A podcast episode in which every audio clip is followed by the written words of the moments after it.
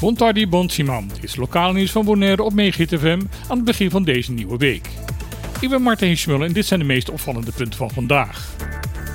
Vandaag, morgen en overmorgen zal bij Lentville nabij Lagoon testen worden uitgevoerd met de verbrandingsoven van Celibon. De oven werd eind februari dit jaar met onmiddellijke ingang stilgelegd na een onderzoek eerder die maand naar de luchtvervuiling die de oven veroorzaakte. Bij het onderzoek bleek dat de luchtkwaliteit in de omgeving van Lentville ernstig te lijden had van de uitstoot van de verbrandingsoven. Daarbij was sprake van een gevaarlijke gezondheidssituatie. Celibon gaf aan dat de oven buiten gebruik zal blijven totdat er na de onderzoek naar de problemen zou zijn gedaan. Dit onderzoek zal nu de komende dagen worden uitgevoerd. Hiervoor is het Engelse bedrijf Protea ingehuurd. Volgens de eigen website van het bedrijf is Protea een van de meest toonaangevende bedrijven op dit gebied in de wereld. Daarbij voeren ze niet alleen analyses uit, maar geven ook adviezen om de gevonden problemen op te lossen. Silibon waarschuwt om het onderzoek te kunnen uitvoeren de komende drie dagen de verbrandingsoven regelmatig aangezet zal moeten worden. Het bedrijf maakt weer voorbeeld haar excuus aan de omwonenden voor de overlast die daarbij zal ontstaan. De afgelopen maanden heeft stichting Aceteco regelmatig via de pers gewaarschuwd dat de stelsel van het erfpacht op Bonaire op de schop zal gaan en dat het krijgen van erfpachtgrond alleen nog maar beschikbaar zal gaan worden voor mensen en bedrijven met een dikke portemonnee. In een interview met het Antilliaans Dagblad geeft de verantwoordelijk gedeputeerde Hennis Tielman aan dat het rondom de erfpacht inderdaad veel gaat veranderen, maar dat de suggestie van Aceteco dat daarmee de gronden niet meer beschikbaar zouden zijn voor de gewone Bonaireaan niet klopt. Volgens de gedeputeerde is zelfs tegenovergesteld. Als het aan hem ligt, komt er een stelsel dat gebaseerd is op draagkracht. Daarmee zou het erfpachttarief voor mensen die financieel echt moeilijk hebben zelfs laag komen te liggen dan het huidige tarief. Andere kant gaan in de plan van Tielman de mensen die het wel kunnen betalen, en vooral commerciële partijen, een heel stuk meer betalen dan op dit moment. Volgens de gedeputeerde moet er nog meer veranderen. Een standaard kavelgrootte van 1000 meter is volgens hem niet meer van deze tijd. Met de huidige groei van het bevolkingsaantal is dat niet meer vol te houden. Timon wil ook dat er meer betaalbare woningen gebouwd gaan worden.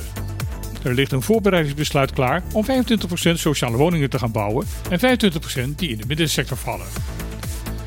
Kan zich ook vinden in de norm van minister De Jonge dat 66% van de te bouwen huizen in een betaalbare sector moeten vallen. Met een personeelsadvertentie op de website van Reisdienst Caribisch Nederland is de werving naar de nieuwe gezaghebber voor Bonaire officieel begonnen. De nieuwe gezaghebber moet volgens de advertentie integer, herkenbaar, verbindend, neutraal en stressbestendig zijn. Daarnaast moet hij de talen papiermensen Nederlands vooral in spreken en schrijven vloeiend beheersen. Kennis van Spaans en Engels wordt gezien als een groot voordeel. De nieuwe gezaghebber moet betrokken zijn met wat er leven op het eiland. Als voorzitter van het bestuurscollege en de eilandsraad goed op de hoogte zijn van wetten, procedures en regels. De honorering van deze belangrijke functie bedraagt momenteel bijna 107.000 dollar per jaar. Maar de verwachting is dat dit binnenkort zal verhoogd worden naar bijna 120.000.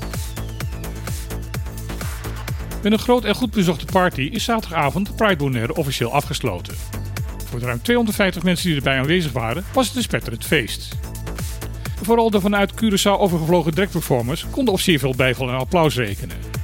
Dit is te lezen in een artikel van Bonaire.nu. Hoewel er op zondag ook nog een aantal activiteiten waren, was dit de feestelijke afsluiting van een evenement dat voor de nodige discussie op Bonaire heeft gezorgd.